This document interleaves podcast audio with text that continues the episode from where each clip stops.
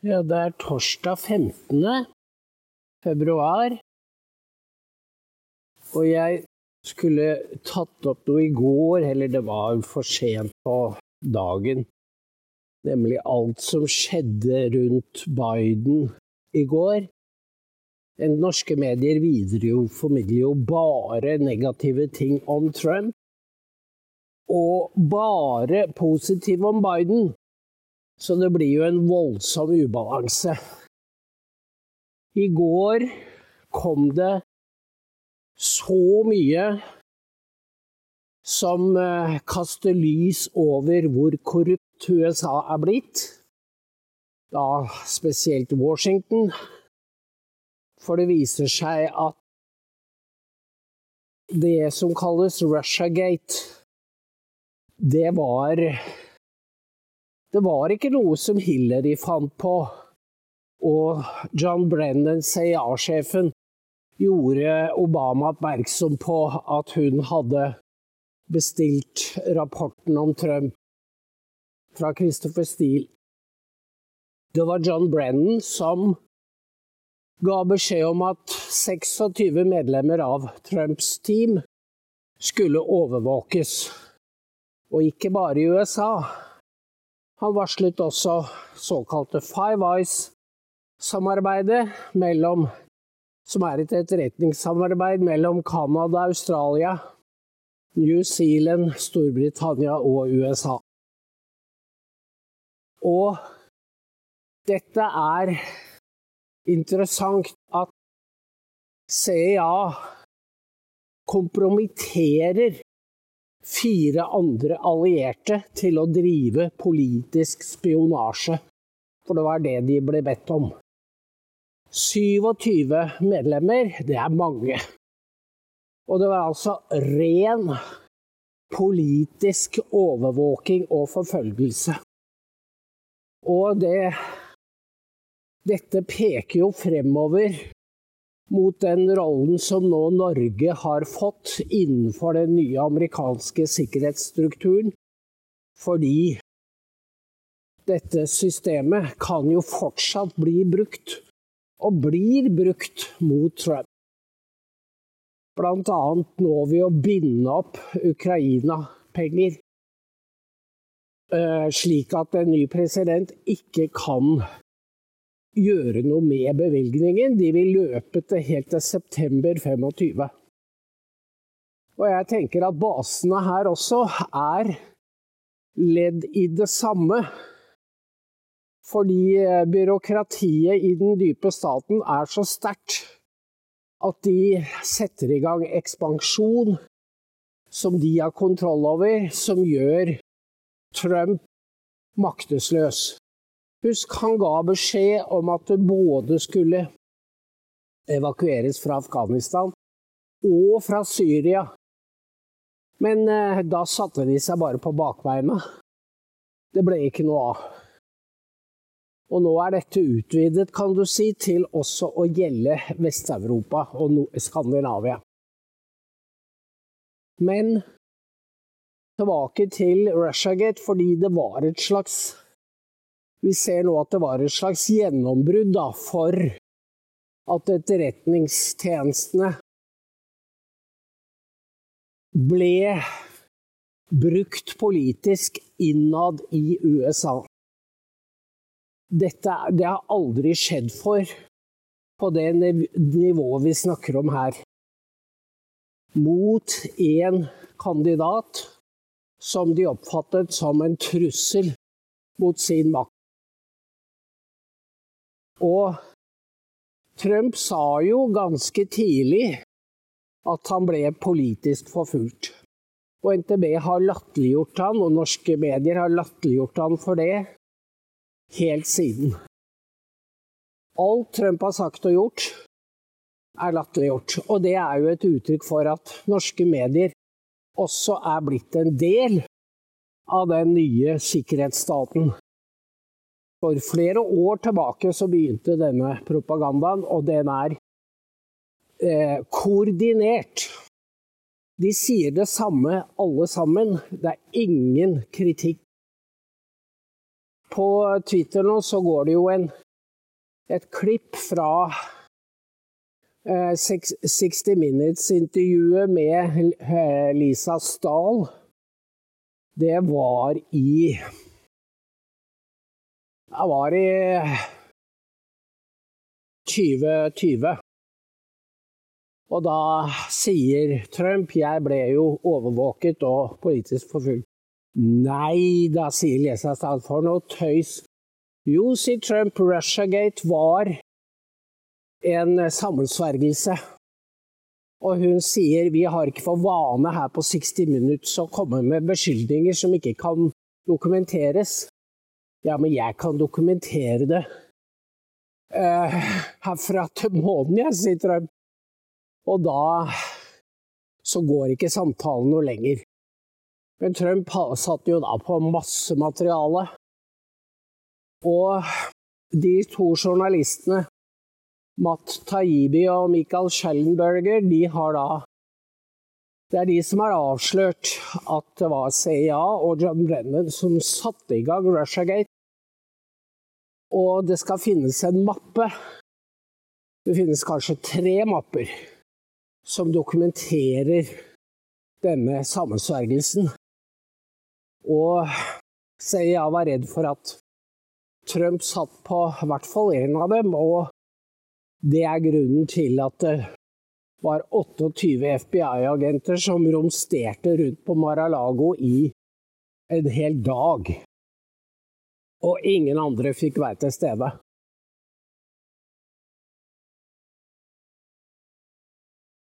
Samtidig så vitnet uh, Tony Babulinski i Kongressen bak lukkede dører om sin forretningsforbindelse med Biden-familien. For Bobulinski Babulinski ble hyret inn til å lede et selskap som het Sinohawk, som ble brukt til å gjøre forretninger med kineserne. Og han møtte Biden i California, i eh, kulissene på et fint hotell. Og fikk beskjed om at eh, han måtte ligge veldig lavt i terrenget med Joes rolle. Og sitte på mye dokumentasjon om forretningene de gjorde med Kina. Og disse Babulinski dukket jo opp i Tucker og ga et intervju og fortalte om fordi han, han kommer fra en eh, militærfamilie og hvor ære betyr mye. Så da han oppdaget at han var del av en, et kriminelt foretagende, så uh, trakk han seg ut og prøvde å advare gjennom FBI at Biden var kompromittert. Men eh, det å gå til FBI som varsler i dagens USA, det er å leke med livet. Så langt har det kommet.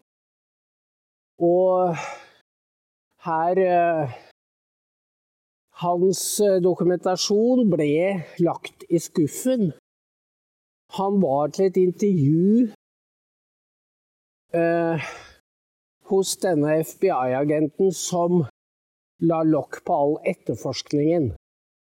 Og mens han sitter der, så ringer telefonen hans, og da er det James Biden. Det er altså bror til Joe, som også var involvert. Og det var et uhyggelig sammentreff. At han skulle nærmest vite at Bobulinski satt og ble intervjuet av FBI. Men det, det skjedde altså, og så sier han FBI-agenten, som er notorisk beryktet for å, for å uh, skrinlegge etterforskningen av Bidens, sier at ja, du hører fra oss. Men Wobelinski hørte aldri fra FBI. Men nå er han i Kongressen og hadde med seg mye papirer for å dokumentere forretningene med Kina. Så det å skulle stå og si at Det er ikke noe bevis for Bidens korrupsjon. Det er, det er mer enn latterlig. Det er en fornærmelse mot både embeter, yrkesutøvelse og folks intelligens. Og dette kommer ikke til å holde, fordi samtidig nå, som punkt tre i går, så kom eh, Peter Schweizer med en ny bok som handler om altså eh, den ulovlige innvandringen Alfentanylen og Bidens samarbeid med kartellene. Dette er, dette er en så eksplosiv cocktail. Eh, Schweizers bøker går til topps på New York Times bestselgerliste. Og han har kledd av den ene politikeren etter den andre, og de er like gode, er republikanere som demokrater. Og de står ribbet tilbake. Og det gjør at folk vet Folk vet at Nancy Pelosi er gjennom korrupt. Og sammen med henne en hel haug andre kjente politikere. Og derfor har jo Kongressen er jo Hva er det? 10% som har respekt for Kongressen. Det er en så stor avstand. Men nå har de da tillatt denne innvandringen. Og politikere som Mitch McConnell torpederer forsøkene på å få gjort noe med å stenge grensen. Det er det. For nå er det nådd et punkt hvor folk begynner å sladre og fortelle hva som foregår bak lukkede dører. Og dette er jo en av grunnene til at støtten til Ukraina forvitrer. Fordi Bidens Det handler kun om Ukraina og, og krigen, og ikke om USA. Og det er altså ikke neglekt vi snakker om. Altså forsømmelse. Det er ikke ved forsømmelse at grensen står åpen. Det er helt bevisste handlinger. Og det har gått opp for den jevne amerikaner. Og de skjønner at Biden er deres fiende. Han er ikke bare en inkompetent president, han er en ond president. Og dette er de politikerne og det systemet som norske medier hyller og fortsetter å forsvare til denne dag. Og da konstaterer jeg at det skjer et, et stort Det er noe som heter eh, time war på amerikansk. En tidslomme. Norske medier befinner seg i en tidslomme. De i sin ungdom, eller deres foreldre. For dem var CIA et dirty ord som de brukte til å beskrive kupp rundt omkring i verden. Og nå elsker de CIA. De elsker den dype staten og kan ikke få nok av den. Det er sannheten om 68-generasjonen og der de ender opp. Og jeg tror de da har særdeles dårlige kort på hånda. Og vi har gode kort. Fordi dette Her er det historiens paradoks. Jeg satt på et venteværelse i dag og leste. Det var eh, Glenn Diesen, som altså er en forsker som er uh, Ser med helt andre øyne på Ukraina og Russland enn det krigspartiet i Norge gjør. Og han Interessant, for han skulle delta i en debatt om Midtøsten. Så, men da trakk Norsk faglitterære forfatterforening seg fra arrangementet, for de kunne ikke sitte i et panel hvor Glenn Diesen deltok. Eh, Pga. hans syn på Russland og Ukraina. Og da begynner det å lukte litt gamle dager, vet du. Hvor man hadde lignende justis.